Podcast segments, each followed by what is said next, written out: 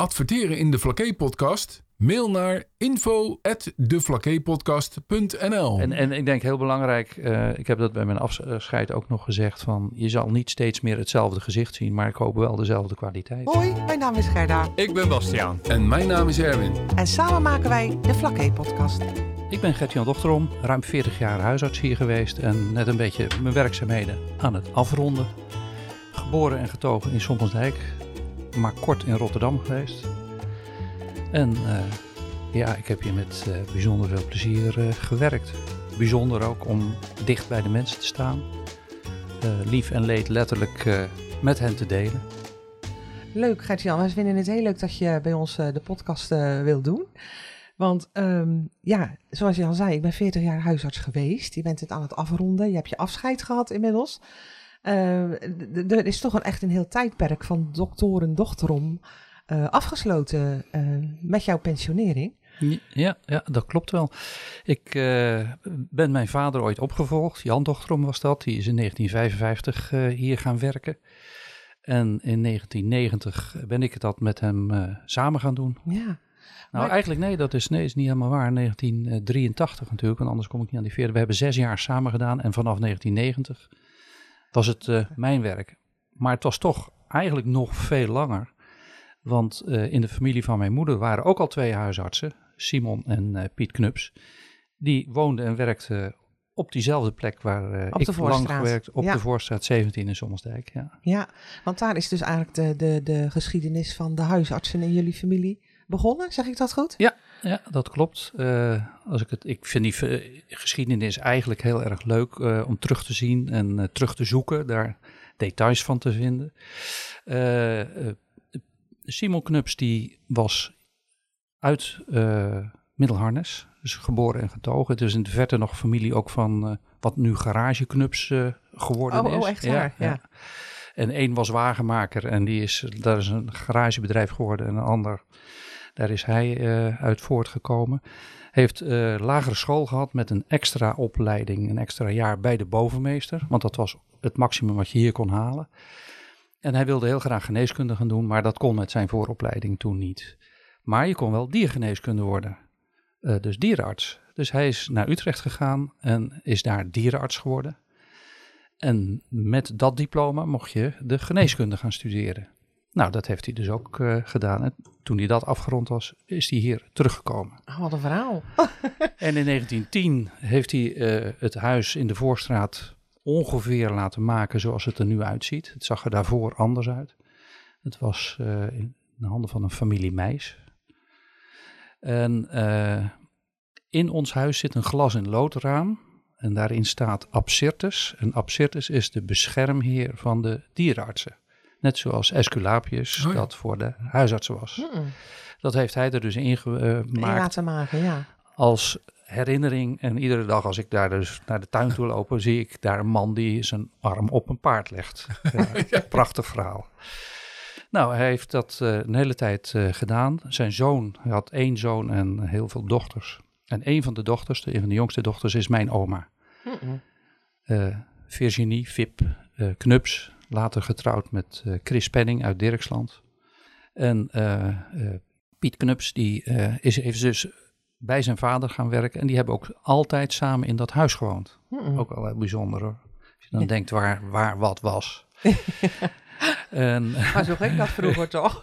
ja. Och, de, de, op het huis uh, is, het was nog groter dan het nu was. Er zat nog op de achterkant drie slaapkamers bovenop toen mijn vader erin kwam. En we hebben er nu nog maar vijf over, dus dat uh, is nogal wat. En het verhaal is dat daar de dienstbodes uh, sliepen. Hij had in de tuin een hele grote waterterras gemaakt. En hij had op de zolder een bakje laten metselen waar je water in kon doen. En dan was er één lode leidingje wat naar de spreekkamer ging. Hmm. En iedere ochtend moesten die dames van heel hoog naar beneden met twee emmers water, twee trappen op, om die waterbak te vullen, zodat hij met één kraantje zijn handen kon wassen in de spreekkamer. Oh, Oh, Dat ja. soort verhalen. Ja. Ja, leuk. Ja, maar vroeger was het natuurlijk gewoon echt behelpen. En Ja. dat was waarschijnlijk toen al luxe. Dat je een kraantje open kon doen en dat je water had. Dat, dat er een soort stromend Ja, water was ja. eh, in 1910. Ja. Ja. Ja, En was het, hij, hij had gehoord, de dokter, hij Ja, water. er met water. Zo zal dat heus gegaan zijn. Ja. Leuk joh. Maar goed, toen... ehm, Nou ja, Piet Knups die overleed eh, vrij plotseling eh, toen hij achter in de 50 was. En dat is in 1955 geweest, begin van dat jaar. En mijn vader die kende mijn moeder net. Mijn vader was wel een stukje ouder, was al arts. En was op zoek naar een huisartsenpraktijk. En toen kwam deze plek eh, vrij, om het zo maar te zeggen. ja, Het was wel een beetje mistig hoe die overgang precies was. Want eh, de jongste dokter Knups was overleden en zijn vader leefde nog. En die woonde in dat huis. En wat ik ervan begrepen heb, is dat hij eigenlijk eh, ja, dementerend was, veel verzorging nodig had.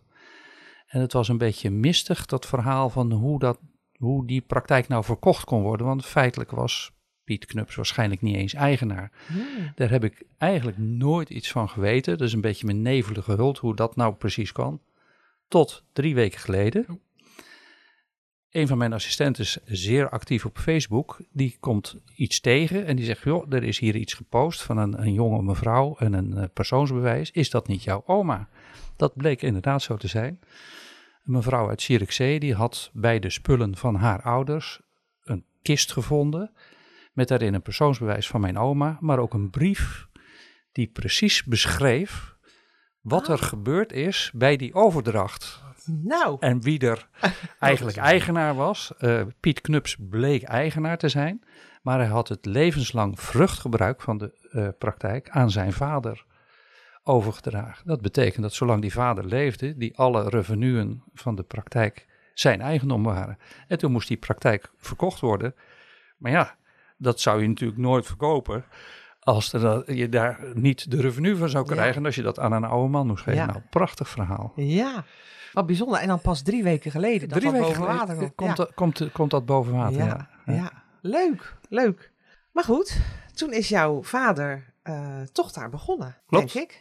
Eh, dus begin eh 55, eh, aanvankelijk als waarnemer. En per 1 april heeft hij het overgenomen. En ooit, heel veel jaren later, ben ik ooit op 1 april ook begonnen. En min of meer dit jaar, 2023, er weer mee gestopt. Dus, dus we hebben iets met 1 april.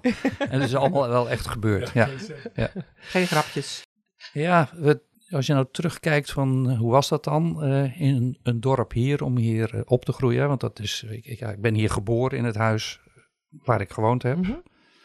ongeveer op de plek waar eh, eigenlijk al mijn kinderen ook geboren zijn. Behalve de oudste, die is daar bijna geboren, maar net niet. Maar er bleef een soort steeds maar eh, terugkeren van dat huis en die familie. En, eh, Ja, hoe was het? Hoe was het? Want jouw vader is daar dan is de huisartsenpraktijk gaan draaien. Ik weet nog dat jullie daar ook een apotheek bij hadden. Dat deed Dat jouw klopt. moeder. klopt. Dat was een heel lief, schattig, klein apotheekje, volgens Ja. mij. ja, ja. Een soort grote kast. En ehm, de wachtkamer was ook heel groot, met van die, van die enorme banken langs de zijkant, Ja. waar je dan eh, met z'n allen op moest zitten. Ja. En ik weet nog wel dat je vroeger op tijd naar de dokter ging, want je moest gewoon op je beurt wachten. Hè? Als je het, eh, wie het eerst kwam, wie het eerst maalde. Mhm. Dus als je nummer 10 binnenkwam, ja, dan moest je gewoon een poosje wachten. Dus je ging daar vroeg zitten. En dan eh, was het altijd een beetje zo, zo zacht gesmoes, want je ging daar ook niet echt herrie maken. Maar wat ik me later wel eens afvroeg, jij bent met je broer en met je zus daar opgegroeid. Terwijl de, de praktijk eh, in, het, in jullie woonhuis, ja, het was natuurlijk wel ernaast, maar jullie woonden daar wel. Hoe was het voor jullie als kinderen om daar ook in op te groeien? Mochten jullie herrie maken? Mochten jullie ravotten? Nee, nee. Hadden jullie ruzie? Oh, vast wel, vast wel, ja. Nee, de, eh, de praktijk zat dus in het, eh, onder één, de helft van het, van het woonhuis, zeg Mhm. maar. En, eh, maar aan de andere kant, en er zat een hele grote gang tussen, eh, was het toch redelijk van, van eh, geluid, Geluidsdicht. geluidsdicht. Dus als je daar zat, dan mocht je eigenlijk gewoon wel alles doen. Maar door de gang heen mochten we wel hardlopen, maar geen lawaai maken. En ook niet schreeuwen of gillen, want ja, die deuren die kwamen aan alle kanten weer op, de gang, gang, uit. ja. En zeker in, de, in die eerste jaren was de keuken was helemaal achter in het huis. En Dan gebeurde het regelmatig dat mensen helemaal doorkwamen lopen en ergens de dokter zochten. En dan stonden ze achter in het huis. Uh, ja. Achter het fornuis. Achter, uh, die stond dan, nee, die stond niet zo achter het fornuis hoor. Nee, nee, nee, dat liet hij zorgvuldig over aan mijn moeder. En het klopt inderdaad dat je dus als uh, huisarts in de periode dat hij begon, moest je ook de apotheek draaien. Dat had ook wel voordeel, want dat leverde ook wel wat op, de verkopen van de medicijnen, want daar kwam het uiteindelijk wel op neer. En mijn moeder was bijna uh, apothekersassistente. En zij moest ook eigenlijk wel mee. Want als dokter, ja, assistenten waren niet. Dat was de doktersvrouw ja. in die periode. Mm -hmm. Die was, werd geacht gewoon uh, hand- en spandiensten. Ja. En, en dus ook de apotheek te draaien. En daar had ze gelukkig wel verstand van. Dus dat, uh, ja. dat kwam wel aardig uit. Ja. We hebben altijd een beetje de grap in de familie dat ze daarom moesten trouwen. Vanwege de zakelijke belangen die... Uh... Anders had je vader geen assistenten. Grapje, dus bij jullie als kinderen hebben dat gewoon wel... Ja, je groeit daar op, dus je vindt het ook een soort van normaal, denk ik. Hè? Dat, je dan, ja. uh, dat ja. het zo is. En ik weet uh, dat ik dat ook nadeed. Het verhaal ook wat ik pas weer te horen gekregen heb. Dat ik van een van de mensen die daar in huis werkte, dat ik op mijn stepje door de gang heen uh, reed en dan een briefje aan een van de uh, werksters gaf. Trusje heette ze, leeft nog trouwens. En dan zei Trusje, ik ga naar de patiënten toe. Want dat zag ik mijn vader Oh, ook ja. doen. Ja, In die beginperiode uh, moest je een briefje achterlaten. Er was ook nauwelijks telefoon in huis. En als die dan opgezocht moest worden van er was een spoedgeval of een bevalling, wat ze natuurlijk in die periode nog deden, dan moest er iemand achteraan fietsen. En dat heb ik later, toen ik kon fietsen, ook wel gedaan. Dat ik mijn vader in het dorp ging opzoeken. Want mijn moeder kon niet weg. Die moest het huis uh, bewaken. Mm -mm. Van alles wat daar gebeurde of aankwam. En later de telefoon aan. Er was wel Ja. al telefoon heel snel in huis. ja, ja, Dat wel. Ja. Dus je werd al, ook al vroeg ingezet. Daar werd je inderdaad al vroeg Ja. ingezet. En ja, je zag natuurlijk wel eens wat gebeuren. Ik kan me daar niet heel veel van herinneren dat dat veel indruk maakte. Behalve als mijn vader de telefoon aannam. Als die dienst had. Dat was niet zo heel gezellig. Dat ik wel eens dacht van nou, oh, laat ik dat maar niet worden dat we werk. Nou, ik wou net vragen, is daar misschien de liefde voor het vak ontstaan? Want jij bent wel ook een eh, studie geneeskunde gaan volgen op een gegeven moment. Dat klopt, ja. Maar die is niet ontstaan door wat ik eh, eh, thuis zag gebeuren. Nee, nee, nee, nee. Het is dus ook niet zo van dat ik dat niet wilde. Ja, het klinkt eigenlijk heel gek, maar ik, ik vond al heel veel dingen erg leuk. En in die tijd was geneeskunde een lotingsstudie. En dat mijn vader zei van, joh, het hoeft natuurlijk niet, maar je kan ook geneeskunde gaan studeren. En je hoeft natuurlijk geen huisarts te worden, maar dan na zes jaar kan je altijd kijken. Hè, dat is zo'n brede opleiding. Dan zie je nog van alles nog wat. Je kan nog een beetje de techniek ingaan of meer de wetenschappelijke kant. En dat trok mij toen wel aan. Dus ik heb meegelood met het idee, nou misschien mag ik wel een jaar eh, wiskunde gaan studeren. Maar ik loodde in. Dus ja, en er waren natuurlijk heel veel mensen die dat heel graag wilden. Zo, ja, dan kan ik ook niet als ik inlood zeggen van nou, Liever ik niet. wacht nog wel een jaar Ja. of ik, ik doe het niet. Ja, en dan rolt het door. En dan, eh, de geneeskundestudie is veel werk, maar het is niet heel ingewikkeld. Dus dat was eigenlijk, vond ik, makkelijker dan de middelbare school. Joh, hey, dat is bijzonder. Ja. had ik, ik had een kans geweest. Nou, dat is... Had ik geweten. Wie weet. En de, de, de opleiding is onvergelijkbaar met zoals die nu gebeurt, eerlijk gezegd. Eh, dat was bij ons nog vrij veel kennis vergaren en dat kunnen reproduceren op het moment dat er een tentamen was. En dan later werd er ook wel gekeken aan het eind van je studie hoe je met patiënten omging. En eh, of je daar, zeg maar, met een lichamelijk onderzoek, maar ook met gesprekken een beetje daar weg mee kon. Hm. En daar gebeurt nu duidelijk andere dingen. Er wordt veel meer al eh, juist op die manier eh, gekeken naar studenten, hoe ze kunnen omgaan met mensen.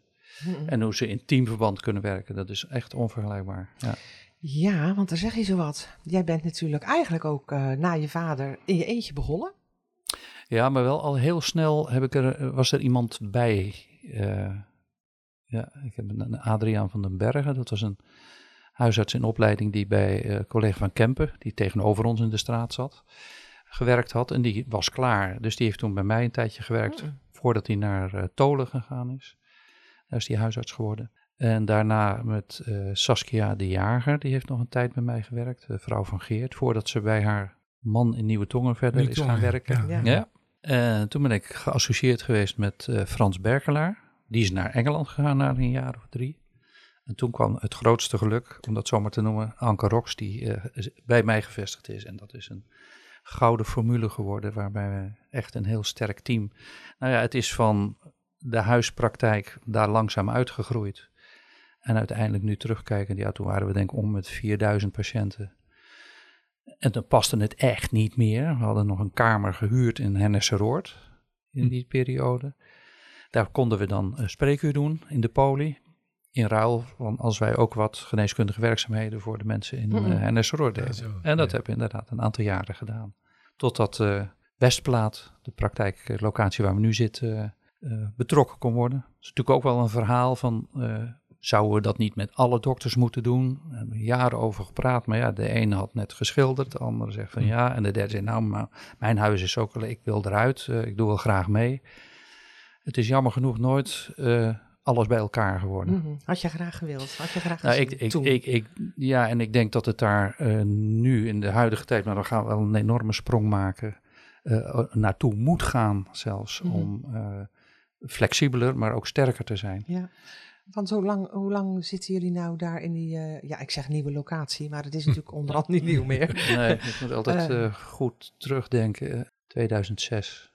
Oké, dat is ook al best een hele tijd Ja. weer, hè? Ja. Maar je had daar natuurlijk wel de ruimte met meerdere spreekkamers en met, zodat iedereen gewoon zijn eigen werkplek had. We gingen van 55 vierkante meter, wat nu onze keuken is, naar eh, bijna 500 vierkante Ja. meter. En later hebben we er nog eh, twee stukken bij eh, genomen, ja. gehuurd en eh, laten doorbreken. We hebben nu, eh, geloof ik, 16 eh, plekken waar mensen Ja, ontvangen kunnen worden Ja. en gesproken kunnen worden. Ja. En het is alweer te klein. echt joh. Toch? Ja. Ja. Ja. En ik denk dat zo'n zo'n grote locatie zoals die nu heeft, maar nogmaals, dan zitten we alweer aan een sprong verder, maakt dat je daar een aantal werkzaamheden kan doen die je in eh, kleine praktijken niet hebt. Je hebt meer, eh, organis- eh, meer technische vaardigheden, meer gespreksvaardigheden met praktijkondersteuners GGZ, praktijkondersteuners die mensen kunnen behandelen die diabetes hebben, die Ja, die ja. de specialisaties. Mensen hoeven dan niet meer naar het ziekenhuis, maar die hebben allemaal wel een plek nodig. Ja. En het personeel vinden is tot nu toe steeds aardig gelukt. Maar het is echt woekeren met de ruimte geweest. Mhm. We hebben een tijdje verhuurd aan de fysiotherapeut, podotherapeut, psycholoog eerste lijns. En dat moest er eigenlijk bijna allemaal uit, omdat we de ruimte zelf nodig ja, hadden. Ja. ja. Hoe kijk je tegen die ontwikkeling aan? Dat het zo gegroeid is met al die specialisaties binnen de huisartsenpraktijk? Nou, ik denk dat het een meerwaarde heeft doordat je heel veel dingen bij ons nog steeds kan regelen. En het is, doordat je groter bent, maakt het ook dat je meer soorten werkplekken kan creëren. En wat ik daarmee bedoel is dat eh, we hebben gelukkig al heel lang, eh, zeker in uh, Middelharnis Sommersdijk, een dienstregeling gehad. Aanvankelijk voor de avonden, later avonden, nachten, weekenden. Buiten de periode dat je er als huisarts gewoon helemaal alleen voor stond. Nou, dat was niet meer. Gelukkig die dienstregeling is goed. Maar dan nog overdag moest je van acht tot vijf, uh, vijf dagen per week daar zelf voor verantwoordelijk zijn. Mhm. En zelf je werkzaamheden regelen. Die solo dokter die vijf dagen in de week voor je klaar staat, die verdwijnt. Dat klinkt vervelend, maar dat is bijna niet meer tegen te gaan. Maar dat is toch eigenlijk al verdwenen? Ja, er zijn nog wel mensen die dat kunnen. Hier op Flaké ook, die dat nog steeds doen. Zo doen, ja. Alleen in de opvolging van die praktijken, uh, daar gaat wel een probleem uh, mm -hmm. optreden. Omdat de dokters die nu willen werken, en dat zijn er nog wel aardig wat, maar die willen vaak parttime. Uh, in de moderne gezinnen doet ook de man mee of de vrouw mee, als zij met de geneeskundige werkzaamheden doet. Maar ze willen ook thuiswerken, mm -hmm. ja, en ook thuis meedoen. Ja, het is eigenlijk hetzelfde als wat je in de politiek ziet gebeuren, hè? met de jonge ministers. Die, ja, ja. ja, ja, ja, die willen dat ook niet meer op die manier, van uh, altijd weg of onderweg of altijd uh, in Den Haag zitten. Die willen ook thuis meedraaien en dat is natuurlijk in, in, in jullie beroep dan eigenlijk ook zo. Eigenlijk ook helemaal niet gek, want jij zijn nou vijf dagen van, vijf, van, van acht tot vijf. Maar beschikbaar zijn. Maar ja. onze, onze werkdagen, ook in, in, in de Westplaat waren, die waren van, van half acht tot half acht. Ja. En soms nog wel langer. En dan ja. praat je nog niet eens over als je dienst zou moeten, moeten doen. doen. Ja. Gewoon om je dagwerkzaamheden af te Want maken. ik denk dat jouw vader vroeger 24-7 dienst had. Nee, die had dus al een avonddienst. Oh, van, echt waar? Van 6 tot 12. Oh, oh. En een weekend die begon aanvangs, toen hij begon geloof ik zaterdag om 1 uur. En die eindigde zondagavond om 12 uur. Dus er was al wel een stukje mogelijk. En dat kan ik mij vaag uit mijn jeugd herinneren. Dat wij dan op zaterdagmiddag naar zijn ouders in Lekkerkerk gingen. En dan eh, op zondag weer terugkwamen. Was je gewoon vrij, ja. Ja, dat Ja. was de echte mogelijkheid. eh. En dan moest, moest hij ook wegwezen, want anders werd, hij nog, eh, werd er nog aangemeld waarschijnlijk. Nou, dat, in die periode durfden mensen dat inderdaad Ja. wel Ja. hoor. Ja. Ja. Ja, Je was natuurlijk wel echt gewend aan jouw eigen adres. ja, grappig is dat. Ja, dat is mooi, hè? Maar wat is er veel veranderd, hè, uiteindelijk? Eh, Ja, Inmiddels. Ja, eh, nou als ik nou terugkijk, om, omdat ik die vier generaties Hmm. eh, geneeskunde eigenlijk zie, de oude pillendoosjes nog teruggekregen heb eh, van mensen met etiketjes uit 1934, 35. Ongelooflijk. Eh, en dan denk ik, goh, wat heeft erin gezeten? Wat, wat, voor- wat, wat voor medicijnen gaan we eigenlijk? hè? Dat stond er niet op. Dat stond er, eh, nee. En, en al helemaal oude apotheekboeken bijvoorbeeld van wat gebeurde er in 1912, 1914. eh vind ik wel eigenlijk heel jammer. Ik heb wel heel veel oude instrumenten gevonden. Oh. Met ook ingewikkelde dingen van tangen die je eigenlijk liever eigenlijk helemaal niet, eh, zou willen gebruiken. Nee.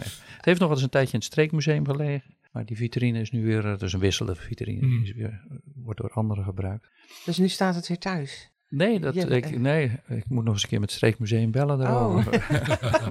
Wat, of ze het nog hebben. of ze het nog hebben misschien, ja. Nee, Ja. dat zal wel, dat Nou ja. zal wel. Nou ja, weet je, het is natuurlijk wel. eh, eh, eh, het is mooi dat je dat allemaal nog hebt gevonden, teruggevonden. Ehm, en soms verbaas je over de apparatuur die ze hadden. Maar ja, toen, toen waren ze er gelukkig mee en eh, hadden ze het. Maar gaandeweg denk ik, ja, eh, jouw kinderen zijn niet jouw pad gevolgd. Zijn eh, Nee. geen van het alle geneeskunde gaan studeren, als ik het Klopt. goed heb. Klopt. En dan denk ik, ja, wa- wa- waar ga je met dat soort spullen blijven? Hè? Want het, het, het, het heeft waarde. Ja. ja, Ik heb, is het streekmuseum niet gewoon een mooie plaats daarvoor? Nou, ik heb nu twee kasten die ooit in de praktijk gestaan hebben, eh, vol met eh, dit soort herinneringsdingen staan. Attributen. En uit de geintje hebben we zo een keer gezegd van ja, of toen op woensdag nog eh, van alles gebeurde op de Voorstraat. Eh, we kunnen een eh, dependance eh, van de, het streekmuseum, dan kunnen ze bij ons koffie drinken en dan kan ik nog een verhaal vertellen over eh, de oude, oude dingen. Ja. Leuke bijverdiensten. Nou, eh, gewoon, Nee. meer omdat het, het verhaal wel, eh, wel, eh, wel leuk is. Een van de dingen van, ik heb eh, een jaar of vijf, s'avonds, een jaar of vijf geleden, ging de bel en daar stond een patiënte van mij. Die hield een klein leren valiesje. En die zei, ja, dat wil ik je teruggeven. Teruggeven?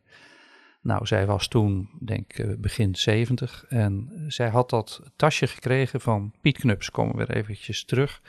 Zij was als meisje erg vaak ziek. En daar kwam die veel in huis. En dat tasje was versleten, dus had ergens iets... Nou, dat werkt niet helemaal goed meer.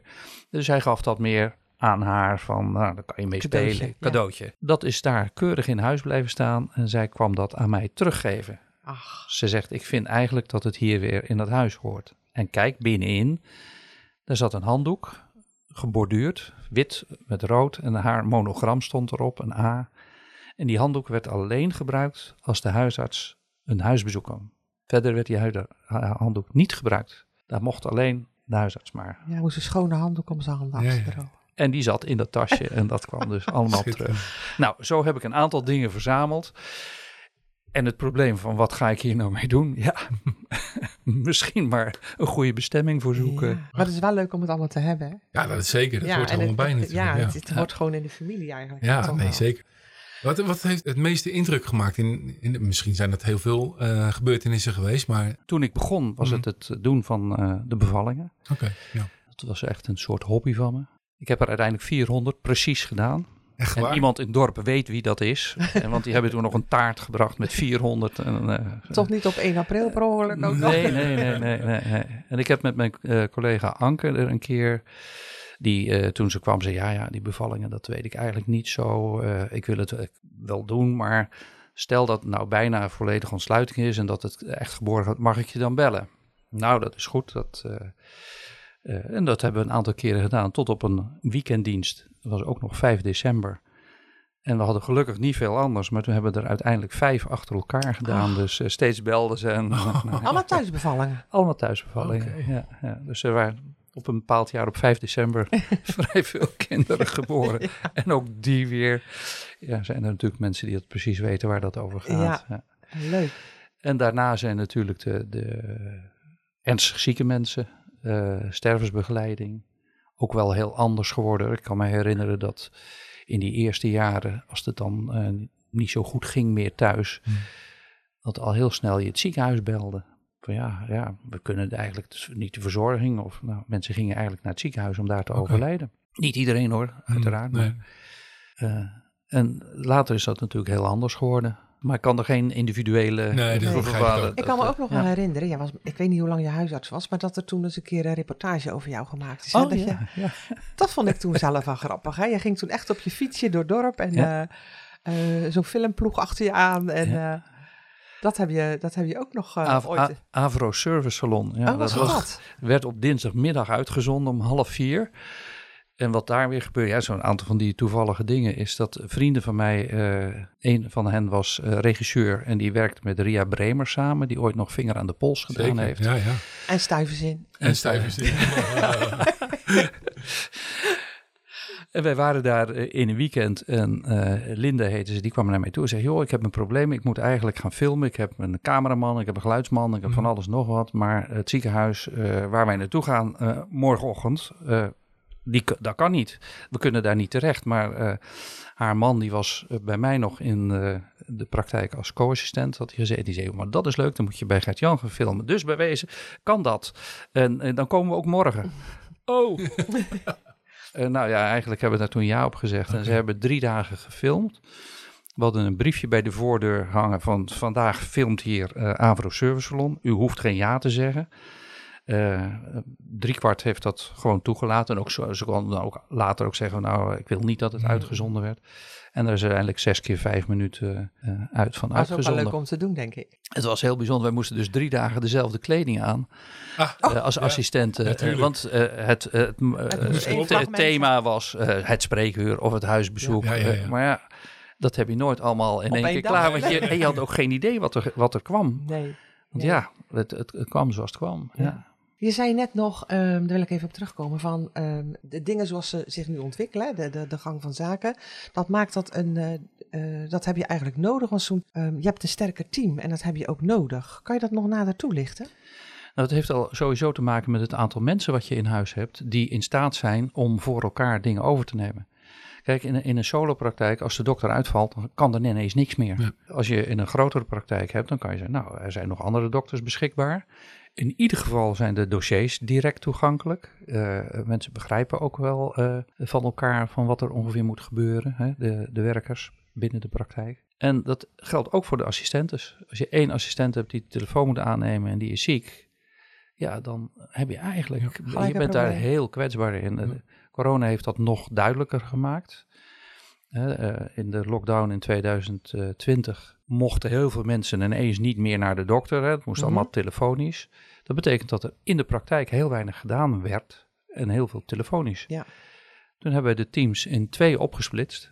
Eén team naar huis gestuurd met dokters en assistenten en ja. praktijkondersteuners. Van jullie komen de hele week niet hier. Jullie werken wel van afstand mee. Je kan meebellen. En als er een besmetting is in het ene team, hebben we in ieder geval de week daarna. Een heel Mhm. team. Dat is niet gebeurd, maar in alle drukte die er was, was het bij ons helemaal niet druk. En het was natuurlijk eigenlijk gek dat je een week lang niks zat te doen. Ja. Buiten een beetje mee. Ja. Maar dat gaf wel aan dat we de zaak heel goed onder, onder Onder controle hadden. Ja. Ja. En ik denk dat, ik hoop dat de zorg van, huisarts, nee, eh, van huisartsgeneeskunde, dus de, de huisartsenzorg, in alle dorpen beschikbaar blijft. Maar dan zit je weer met die van 8 tot 5 eh, eh, openingstijden. Is dat altijd nodig? Of zou je vanuit een centrumlocatie, we zorgen voor van 9 tot 3 een beschikbaarheid van eh, een huisarts daar voor spreekuren. En net in die eh, stukjes ervoor en daarna, dat dan de hoofdlocatie eh, beschikbaar is voor huisbezoeken. En dat betekent dat je op zo'n baan ook iemand kan laten werken die zegt: Ik wil mijn kinderen naar huis brengen en ik wil ze ook weer ophalen. En dan heb je continuïteit in de periferie, zo dicht mogelijk bij alle mensen in alle dorpen. Want ja, goed, het is naast de winkels ook de dokters eh, wordt Ja. een beetje eh, schaars goed. En ik denk dat we je moeten, we moeten gaan delen. Ja. ja, en, en ik denk heel belangrijk, eh, ik heb dat bij mijn afscheid ook nog gezegd, van je zal niet steeds meer hetzelfde gezicht zien, maar ik hoop wel dezelfde kwaliteit Ja. Mm. die geboden kan worden. Ja. Dat is denk ik waar wij naartoe moeten. Ja. als ik, als ik het voor mezelf even zie, hè, vroeger had je inderdaad je eigen huisarts. Mhm. En daar wilde je ook altijd naartoe. Ja, Maar ik merk van mezelf al, al jaren dat het, me- denk ja, weet je, als je wat hebt, je wil gewoon geholpen worden. En Hmm. door wie maakt dan eigenlijk ook niet zo uit. Ook omdat die dossiers gewoon allemaal voor iedereen eh, toegankelijk zijn. Voor de medewerkers binnen zo'n praktijk. Nou, als je de toestemming hebt gegeven, denk ik dan, of niet? Of is dat binnen het huisartsen? Nee, Team. eh, eh, je hoort wel eh, afscheiding te maken, alleen als je het voor elkaar waarneemt. En dat betekent de artsen onderling, Mhm. en, eh, maar ook de assistentes die voor je werken, Mhm. dan eh, mogen die stukken zien. Oké. ja. ja.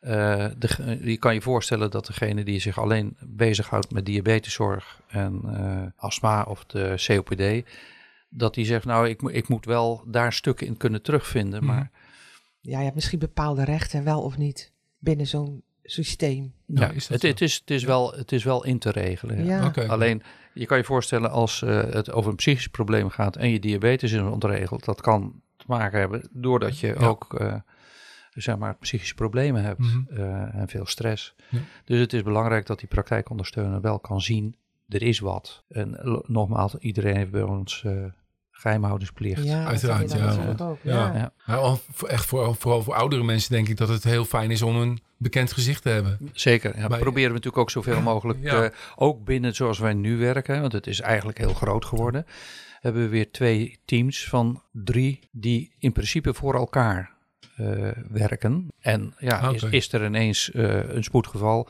dan is het vergelijkbaar met zoals de huisartsenpost, want daar hebben we het eigenlijk nog helemaal niet over gehad. Hè? Nee, Nee. Wat doet die huisartsenpost Ja, ja. nou? Want die pakt van eh, vijf tot acht. Dat betekent dat je eh, bijna twee derde van de 24 uur moet terugvallen op een volkomen onbekende Mm. dokter. En die zal je zelden terugzien, maar je wil wel dat hij heel goed is. ja. En wel dat het iemand is die met je kan praten, maar ook weet wat hij moet doen. En ja, dat zijn eh, korte contacten, maar eh, hopelijk technisch goed. Gebeurt niet altijd, maar dat is in de dagpraktijk ook. Ja, maar Ja. dat, dat, dat heb je eigenlijk overal. Hè? Ja, je wil het niet, maar dat gebeurt. Ja, Nee, dat is ja. toch. Ja, dat is zo. En ik kon mij vroeger niet voorstellen dat ik heel goede overlijk over zou rijden. Ik vond eh, nieuwe tongen al te ver om, om, om mensen te eh, zeggen, nee, ja, nee, ja, maar we willen bij jou ingeschreven. Nee, dat kan echt niet. En bovendien, er zit daar een dokter. Dat kaarten we vroeger ook vrij streng af. Hè. Ja, ja, snap eigenlijk, ik ook wel. Ja. Maar eigenlijk, de regels zijn nu, als je binnen 15 minuten enkele reis van een praktijk woont en die- die praktijk is open, dat, Mhm. dat moet je aangeven. Wij kunnen nieuwe patiënten aannemen. En je belt daar aan, ik wil patiënt worden, dan moeten ze je ook aannemen. Oh, echt? Oké. Daar mag je ook geen, helemaal geen voorwaarden. Dus eh, ook bij het overgaan, hè, als iemand zegt van nou, ik wil eigenlijk naar een andere dokter toe. Ik weet dat we hier jaren geleden moesten de mensen een brief schrijven en dan werden we daar onderling over gesproken. En zei nou ja, wie moet het dan doen? Of eh, nee, eh, nou dat is absoluut, mag helemaal niet. Je hebt er eigenlijk niks mee te maken. Nee. Jij bent open en die patiënt wil bij jou. Vrije eh, keus. Het is vrije keus. Ja. Ja, ja. ja, daar is wel wat in veranderd, denk Daar ik. is heel veel in veranderd. Ja. Dat was vroeger echt wel anders. dat klopt. Ja. Dat hoorde niet.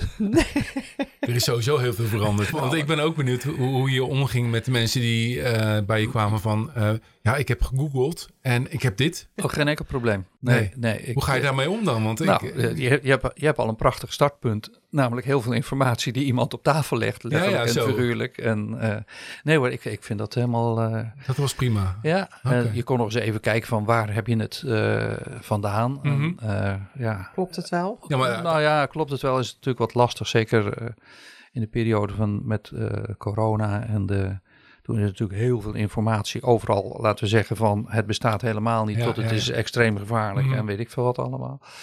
Dat, ja, daar moet je dan een beetje mee omgaan. Mhm. Eh, in principe vind ik dat wij met iedereen moeten kunnen praten. Ja, maar dat is ook zo Is ook natuurlijk. zo, Het is, ja. De een is wat makkelijker dan de ander, denk ik. Maar, eh, maar uiteindelijk doet de huisartsenpraktijk ook gewoon wel eh, stimuleren om het online te doen. Want jullie hebben Ja. zelf ook een, eh, een vraagbaak online uiteindelijk. Klopt, klopt. Ja. Ja. we, de, de, er is een landelijke, die heet thuisarts.nl. Mhm. En dat is echt goede actuele informatie. Oké, ja, ik vraag me dat wel eens af. Ja. Wordt dat eh, geoptimaliseerd of Ja. in ieder geval dat bijgehouden? Is, dat, dat, ik zal niet zeggen per dag, maar Nee, ik denk eh, zodra er een nieuwe inzichten zijn en eh, de zelfzorgadviezen veranderen, die Mhm. wordt echt heel goed bijgehouden. Oké. Dus als je daar eh, je eerste informatie ophaalt, dan kan je echt goed mee weg. Dan is dat prima. Oké. Ja. Ja, en ja, we gebruiken dat ook wel. er zijn praktijken die een soort letterlijk triagesysteem al hebben, met name daar waar er veel toeristen zijn, daar moet de patiënt doorheen gegaan zijn voordat hij een afspraak mag maken. Oké. En daar komen dus automatisch uh, zelfzorgadviezen van nee, u kunt nog dit en u kunt Ja, nog ja. dat. En dat gaat bijna altijd goed, hè? ja, je verwacht dan wel dat iemand natuurlijk zijn eigen verhaal precies zodanig eh, vertelt dat het past binnen eh, het Ja. is een gewone verkoudheid en dat hij niet onderweg eh, iets inslikt en denkt van nou, nou, dat vertel ik er eigenlijk maar niet bij. Nee, of precies, het zal ja. wel niet mee, het zal, zal wel niet zo belangrijk zijn. Nee, Ja. ja. gaat wel om vertrouwen. Ja, je, je bent afhankelijk van de informatie die je krijgt van Ja. de patiënt, toch? Dat blijft natuurlijk ja, zo. dat blijft Ja. zo, ja. Ja. Maar het kan ook een misgordijn zijn eh, als, je, hè, als ik bij u kom dan van eh, ja, ik heb dat en dat. En dan zou het zomaar kunnen zijn dat het inderdaad compleet de andere kant op is. Omdat ik er anders over denk. Of, eh, Ja, of, of wat wij een, een bekende fenomeen vinden, is de deurknopvraag. Dus Mhm. mensen komen dan met een, soms een aantal dingen. Nou, Oh ja. die behandel je dan. En dan lopen ze weg. En dan, oh ja, Oh ja, eh, nou, ik heb ook een knoppeltje in mijn borst, maar dat zal wel niks zijn, hè? En, ja. en Oh, eigenlijk waar? is dat Dat is de belangrijkste de vraag. belangrijkste vraag die er Ah. was. Ja. En dan moet je dus of zeggen, nou kom terug, Mhm. ga zitten. Want hier gaan we, daar ga ik niet even iets over zeggen, want het zal wel niks zijn. Nee, het Mm. zal ook wel niks zijn. Ja. Hè, want er zijn Of je gaan- moet zeggen van ga nu naar de balie, maak een nieuwe afspraak voor eh, Zo, morgen of overmorgen. En Hm. eh, dat je dat op heel korte termijn. Ja. Ja. Dus mensen verpakken het soms ook. Je hebt mensen die Nou ja. direct alles op, op, neergooien, maar juist ook van. eh, nou, dat bedoel ik eigenlijk te zeggen. Ja. Je moet er wel doorheen prikken eigenlijk hè, van eh, het verhaal. En zeker binnen de tijd die je hebt. nou, wij lopen niet? chronisch uit. We zijn zelf al. eh, het, het klinkt gek natuurlijk dat je eigenlijk de standaard consulttijd in 10 minuten verlangt dat iemand binnenkomt, dat je nog even iets uitwisselt over, nou, hoe Ja. ben je hier gekomen, dan vervolgens het verhaal laten uitpraten. Mhm. dan eh, verhelderende vragen stellen, dan lichamelijk onderzoek, dan eh, terug eh, weer naast je bureau, samenvatting geven van klopt het allemaal Mm. en ik denk dat u dit of dat en dan nog een uitleg geven en begrijpt u het allemaal in 10 minuten. Nou, het is schier onmogelijk dat volgens is- mij. Laat staan iemand twee of drie dingen te vertellen heeft. dus is- wij, zijn, wij liepen altijd uit en we Mm. zijn al een paar jaar geleden ge- naar een kwartier per patiënt gegaan.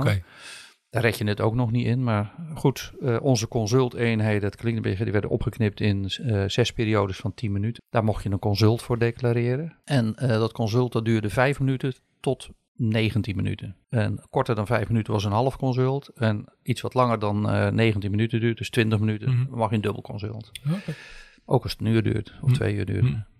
Nou, toen zeiden wij, dan gaan, nou, wij gaan toch, toch al naar 15 minuten. Dan stoppen we er maar vier in een uur in plaats van zes. En ergens verdien je dat wel weer terug, doordat je heel veel tijd nu in de afronding van je consult. Want met het, toenemen van het aantal vragen gebe- gebeurt het mij regelmatig dat ik allerlei post-itjes had liggen van, oh ja, de patiënt alvast weg, maar ik moet die verwijsbrief nog maken en Ja, ja. ik moet dit of dat nog. Mhm.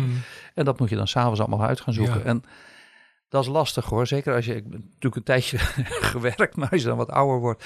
Wat was het ook alweer? Oh ja, waar ging het over? Oh ja, dat. eh, maar waarom heb ik dit nu hier opgeschreven? Ja. Ja. Ja. Wat betekent het eigenlijk? Ja. Ja, als je het je eigen handschrift nog kon lezen. Hè, dat, Ook eens.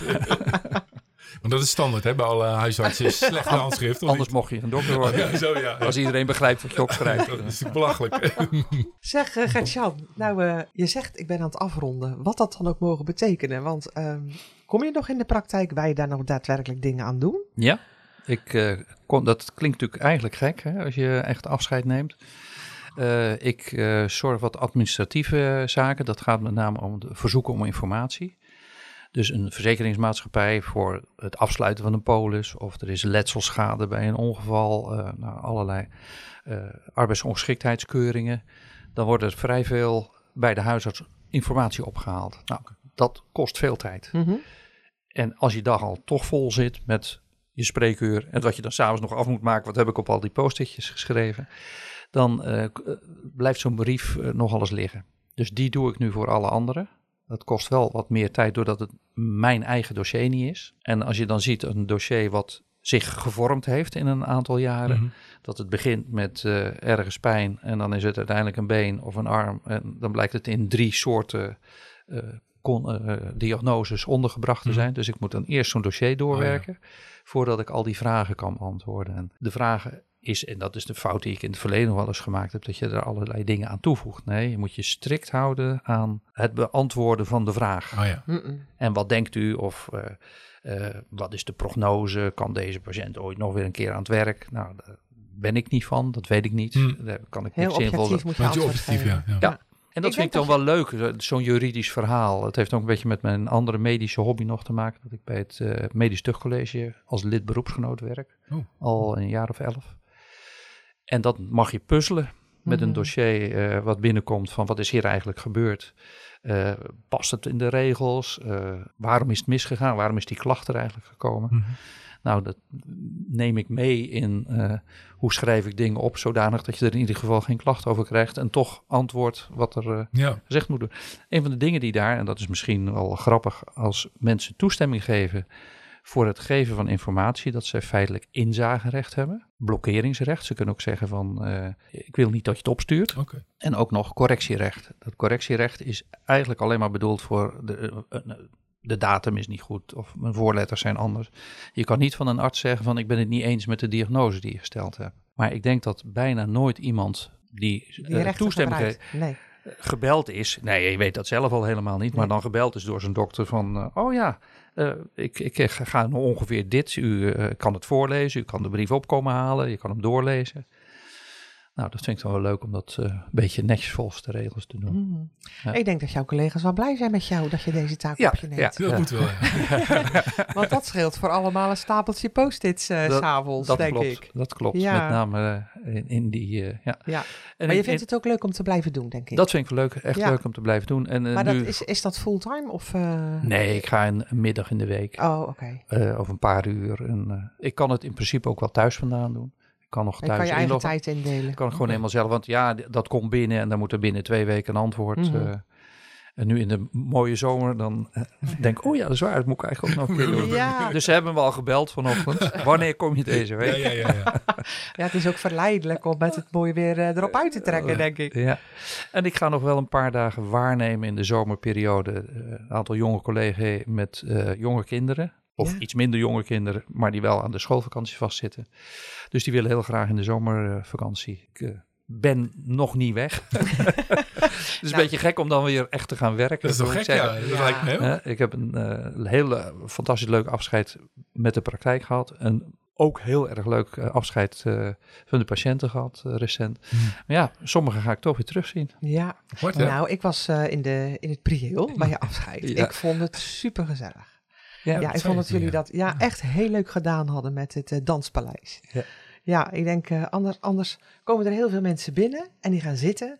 En je zit een beetje zo te kijken of dat je in de wachtkamer zit. Ja, denk precies. ik. Van wat ga je daar dan doen? Ja, Maar nu was het, ja, er was muziek en eh, je kon dansen. En, en dat, dat, dat maakte de sfeer gewoon heel losjes, denk ik. En ehm, je ziet daar natuurlijk mensen die je voor de rest nooit ziet, maar het zijn wel jouw patiënten. Ja. En ja, het, het, was echt heel erg leuk, goed Ja. verzonnen. Want echt grappig. dankjewel. Over dat zitten en rondkijken brengt me eens weer terug. Want je noemde er straks die grote wachtkamer. Dat klopt. Die, eh, die was ook heel groot, vijf bij vijf.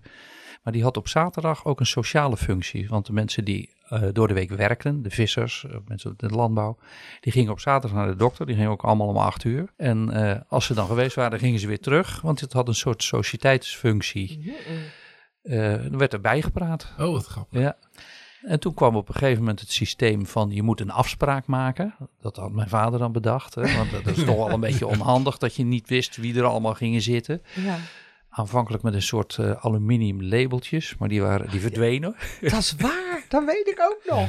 Ja, nummertjes stonden erop. Ja, daar stond het is een, een- en dan moest je eraan trekken. En er kwam dus op dinsdag zeg maar één ding uit. En nou ja, dat was het dan. Hè? Oh, je kon komen of niet. En mensen Ah. legden ze er ook wel eens weer bovenop. Dan trokken ze er vier uit. Oh, echt? Ja. Maar die dingen waren nogal duur. Dus toen had mijn vader op een gegeven moment had hij van die hele kleine plastic sleutelhangertjes. En dan schreef hij daar gewoon een tijd Ah, op. zo. En die hingen aan een klein haakje voor in de gang. En dan zaten mensen ertussen te rommelen. Of ja, nam ik die en nam die mee. Oh, grappig. En zo heb ik er pas ook nog weer eentje terug gehad van iemand die hem ook twintig jaar ergens had liggen. Kijk, ik heb nog een afspraak, zei hij. nou, dat is natuurlijk allemaal weg. Er zit nu eh, assistentes. We hebben er Ja. op de praktijk eh, zes, geloof ik, zeven die zitten eh, te bellen eh, of telefoon aan te nemen. Mm. En dan loopt het nog wel eens helemaal uit de hand. Hey, vroeger hadden jullie in die oude wachtkamer zo'n liftje, hè? Klopt. Waar was dat dan voor? De apotheek zat erboven. Oh. Dus mensen zetten daar hun medicijnen in. Dus ooit was precies dezelfde ruimte als beneden was een apotheek boven. Oh, oké. En eh, daar... eh, Dat is zo'n handlift.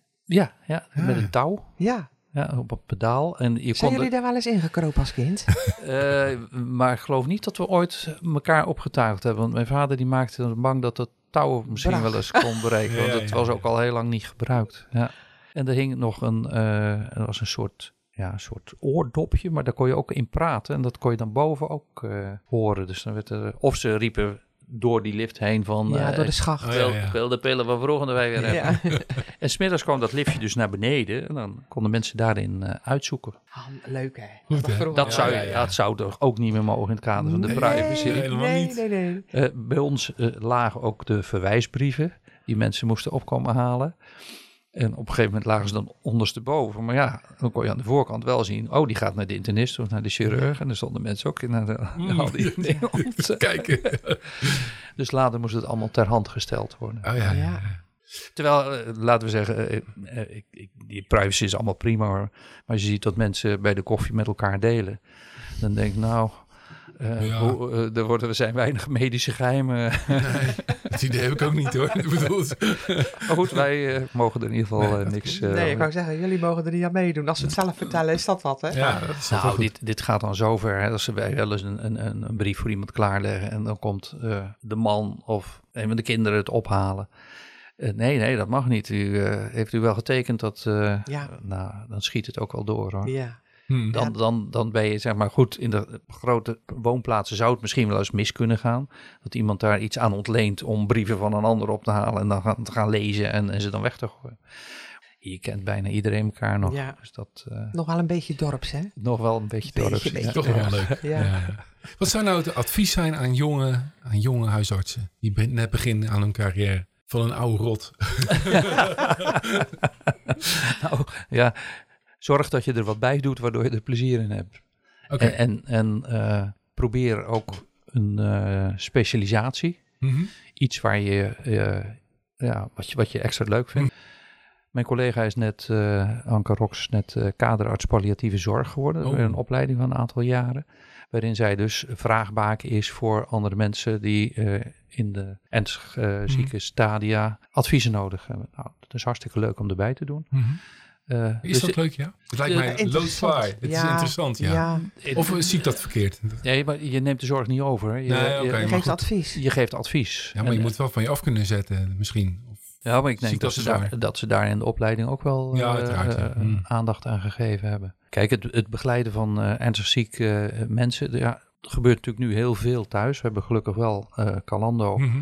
Voor als het echt niet meer gaat. Maar de fase daaraan vooraf, ja, dan moet toch de, is de huisarts wel de spil. En ja, je weet gewoon niet alles. En, Nee. in, als, ik, en eh, als ik terugkijk, dan waren er een heleboel dingen die ik niet wist. Mhm. Waarvan ik gewild had dat ik Ja, ze wel geweten had. Of dat je ze ergens had kunnen vragen. Mhm. En na heel veel jaren, dan heb je heel veel werkervaring. Mhm. Dat is waarom jonge dokters die bij ons in opleiding zijn, dan zeggen we, "Ah, maar hoe kom je daarbij? Ja, het gaat over patroonherkenning Ja. of over eh, werkervaring. Maar die kan je niet hebben. En dan is het fijn dat je niet diezelfde eh, ja, struikelingen hoeft te maken die wij gemaakt hebben. Ja, oké. Juist doordat je elkaar kan, eh, kan raadplegen. Ja. En vroeger was dat natuurlijk een beetje concurrentie. Hè? Dus je liet, eh, als jij iets beter kon dan een ander, of patiënten dachten dat, ja, dat was toch allemaal Zo eigen zaak. dat toen. Ja, ja, ja. Ja, nu is het toch weer meer kennisdeling. Is natuurlijk meer... ehm, ehm, meer Ah, gemeen goed, toch? ja. En wat er gaat gebeuren met de kunstmatige intelligentie, ik heb geen idee, maar ik denk dat het een enorme verandering zal geven in de gezondheidszorg. Hè, Je noemde net patiënten die binnenkomen met ik heb wat gegoogeld. Eh, ja, je kan nu eh, eh, gewoon een opdracht geven eh, met die en die symptomen, wat denk je dat ik heb? En daar komt ook zinvolle informatie uit. De volgende ontwikkeling. Ja, ik, ik, ik, ik heb niet zo'n idee wat daar nou, eh, hoe dat ingepast gaat worden. Hoor. Maar ik begreep wel dat, eh, laten we zeggen, op, op, op wetenschappelijk gebied, als je dan opvraagt van ik heb nu dit en dit en dit, Mhm. waar moet ik nog meer aan denken? Eh, dan krijg je de hele rij. Dan wordt er niks meer overgeslagen. Ja, ja, ja. En een, een, een boek van twintig jaar geleden raadplegen heeft geen enkele zin. Want die, die, die kennis is zo ver veranderd. Behandelmethodes veranderen. Zeker, ja. Of je ze allemaal moet gebruiken, weet ik ook niet. Want nou, als je nou praat over uh, waar klemt het, dat zijn toch de grenzen aan de zorg. Mm -hmm. we hebben een, een, een medisch-technisch aura gemaakt van alles is oplosbaar. Maar het leven is toch eindig. En behandelvormen die een paar weken of een paar maanden toevoegen aan het leven, moet je zeggen, wat is dat voor leven? Mm -hmm. Wat breng je teweeg door de behandelingen die dat doen? En toch helaas, wat kost dat? Ja, er moet natuurlijk wel een bepaald evenwicht. Nou ja, moet. Er is altijd een bepaald evenwicht. Ja. Maar daar, ja, daar, ga, daar kan je natuurlijk overheen gaan. Ja. Zowel naar de ene kant als naar de andere kant. Ja. En in, in het individuele geval, als iemand te horen krijgt, ja, er is nog wel iets voor je. Mm -hmm. Er wordt nooit over geld gesproken. Nee.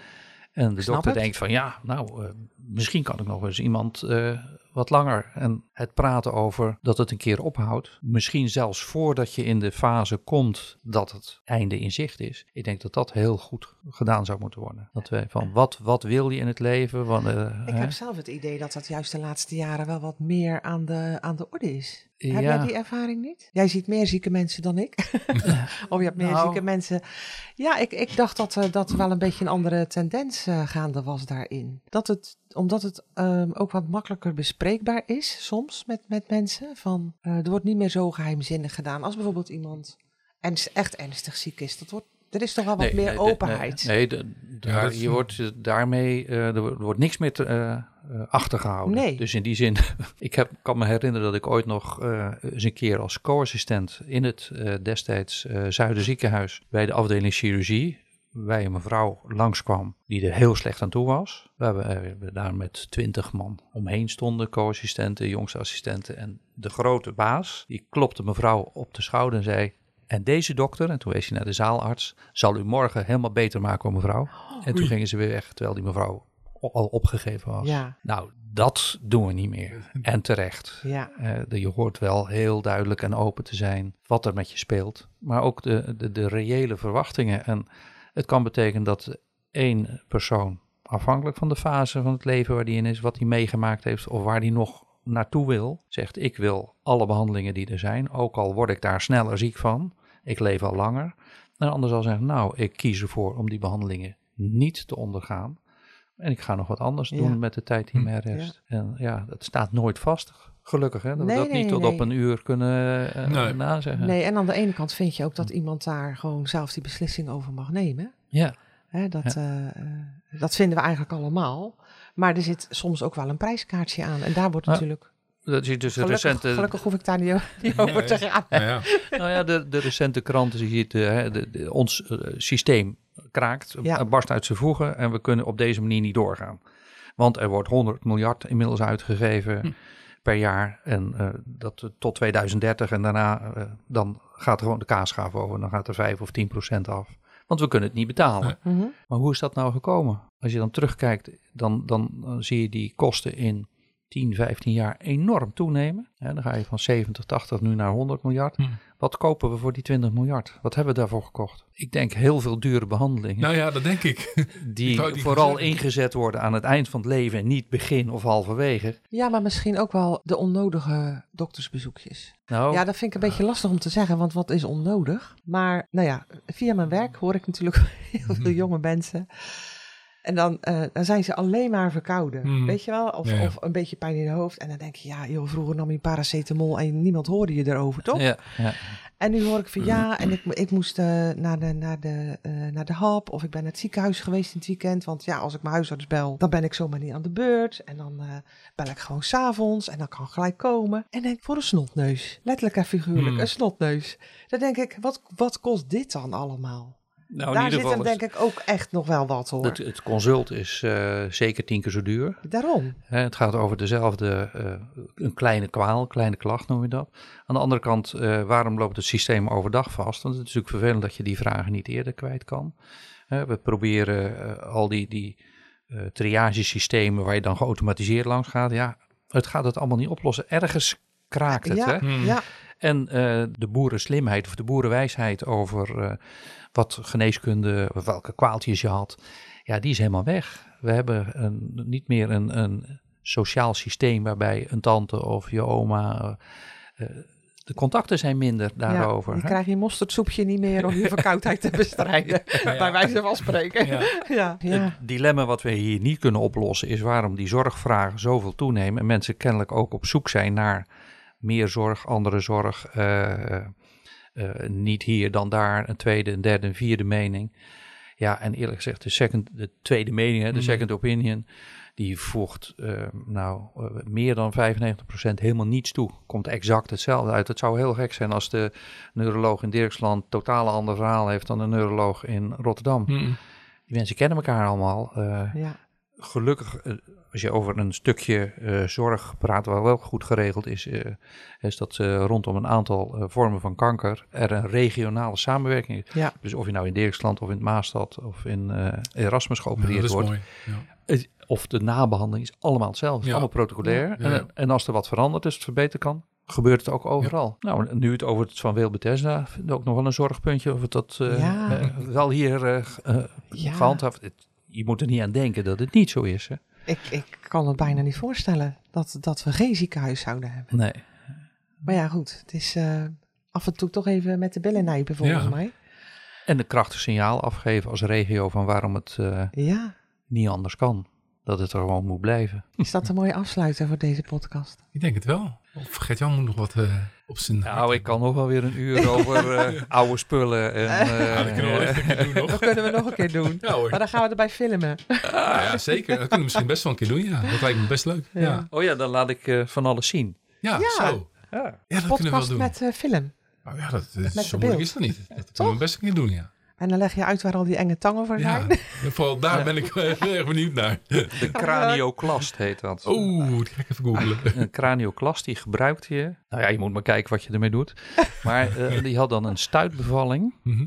waarbij het kind overleden was. Nou ja, eh, dan kreeg je het meeste er wel uit, maar het hoofd niet. Ach, En dan die cranioclast, die ging naar binnen om daar kleine stukjes van te maken. Oh nee, echt. Zo erg had ik het nog niet bedacht, eerlijk gezegd. Maar... Ik kan hem je laten zien. Oh, dat Of die gebruikt is, weet ik niet. dus, ja, natuurlijk Maar hij is zat- die gebruikt. Tuurlijk is die Nou, zat gebruikt. in het systeem. eh, In ieder Eh, geval, in ieder de- geval eh, in, in de... eh, In geval in de van nood moest, moesten ze wel, hè. ja. Oh, Ik denk echt dat die gebruikt is. wat afgrijzelijk. Oeh, ik voel het gewoon. Het idee. De, de- de- Akelige afsluiter dit. Oh, nou ja, eh, heb ik nog één verhaal over eh, instrumenten. Ja, ik Graag. probeer van alles. De, de eerste bevalling die ik ooit hier gedaan heb, toen heb ik voor mijn vader, eh, die was ziek, in weekenddienst. Die zei, joh, eh, ik eh, fluister je wel wat in. Ik was nog geen arts zelfs, Mhm. maar ik had wel mijn verloskunde kooschap gedaan. En wat gebeurt er op die zaterdagavond? Daar dient ze een bevalling aan. De vierde was het geloof ik. En nou zei hij, nou, dan moet je maar vlug naartoe gaan, want dat gaat vlug. Maar ik had nog wel in een ziekenhuis en dan kreeg je zo'n treetje met al. Dus ik, eh, dit is mijn verlostas, neem maar mee. Dus ik met die tas daar midden in de nacht. Nou, het was eigenlijk nog niet zo ver. Ik, denk, ik zal eens kijken wat er in die tas zit. Dus ik haalde daar een verlostang uit. Dat is een soort ja, 25 centimeter met een grote. De wee hielden gelijk op. En ik zat daar een beetje mee van hoe zet je die in elkaar aan het voeteinde.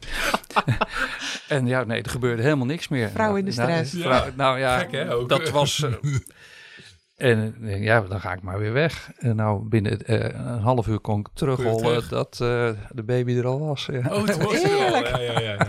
Die dacht, ik ga gauw even doorzetten, want eh, die, dat hulpmiddel wil ik niet eh, nodig hebben. Ongekend. hè? Oh, vreselijk. Ja, oh, Hoe je dus eigenlijk een soort eh, per ongeluk iets doet. Mhm. Nou, maar ik denk, wat is dit voor een ding? Hoe je dat eigenlijk bij? Want die, eh, dat is gynaecologenwerk. Hè? Dat leer je niet in je basisopleiding. Hoe je een, eh, een, een uitgangstang moet, eh, in elkaar moet zetten. Laat staan hoe je hem precies moet Een gebruiken. uitgangstang. Ja, ook. zo heette Ja, dat, ja, een ja. uitgangstang. Heel goed. Ja. Die andere wil ik alweer vergeten. Van dat Moeilijke naam. schrikkelijk. Schrikkelijk. Ja, dat is een eng verhaal, ja. Wat ga je maar doen met je vrije tijd? Daar heb ik nog... eh, Nog niet eh, over nagedacht. Jawel, jawel, nee. Weet je, eh, ik, ik heb bijna nooit iets weggegooid. En je kent ongeveer mijn huis en je kent mijn schuur. Het, het, leuke is, eh, over die eh, schuur eh, de, hangen bij u, ons nu in de keuken binnenblinden die 55 jaar op de zolder gelegen hebben. En die past weer precies in het kozijn. Dus wij kunnen in ons monumentale huis geen dubbelglas. Maar we hebben dus Ja, binnen... Nou, zo'n zolder is dat. Waar je dat soort dingen kan vinden. Dus jij bent gewoon 20 jaar aan het opruimen nu. En ik gooi natuurlijk nooit wat weg. Dat- nee, dat- dat hou ik dan. Dat heet niet opruimen, verplaatsen. Hij gaat Ja, het gewoon verplaatsen 20 jaar lang verplaatsen. Ja, ja. Dus eh, druk zat. Druk zat, genoeg te doen. Gert-Jan, ik vond het Graag heel gedaan. erg leuk dat je hier was om je verhaal te vertellen. En ik hoop dat de luisteraars er, eh, daar ook van gaan genieten. Zeker weten. Ja, dankjewel voor je komst. Ja, hartelijk bedankt. Graag gedaan. Adverteren in de Flaké podcast? Mail naar info@deflakeepodcast.nl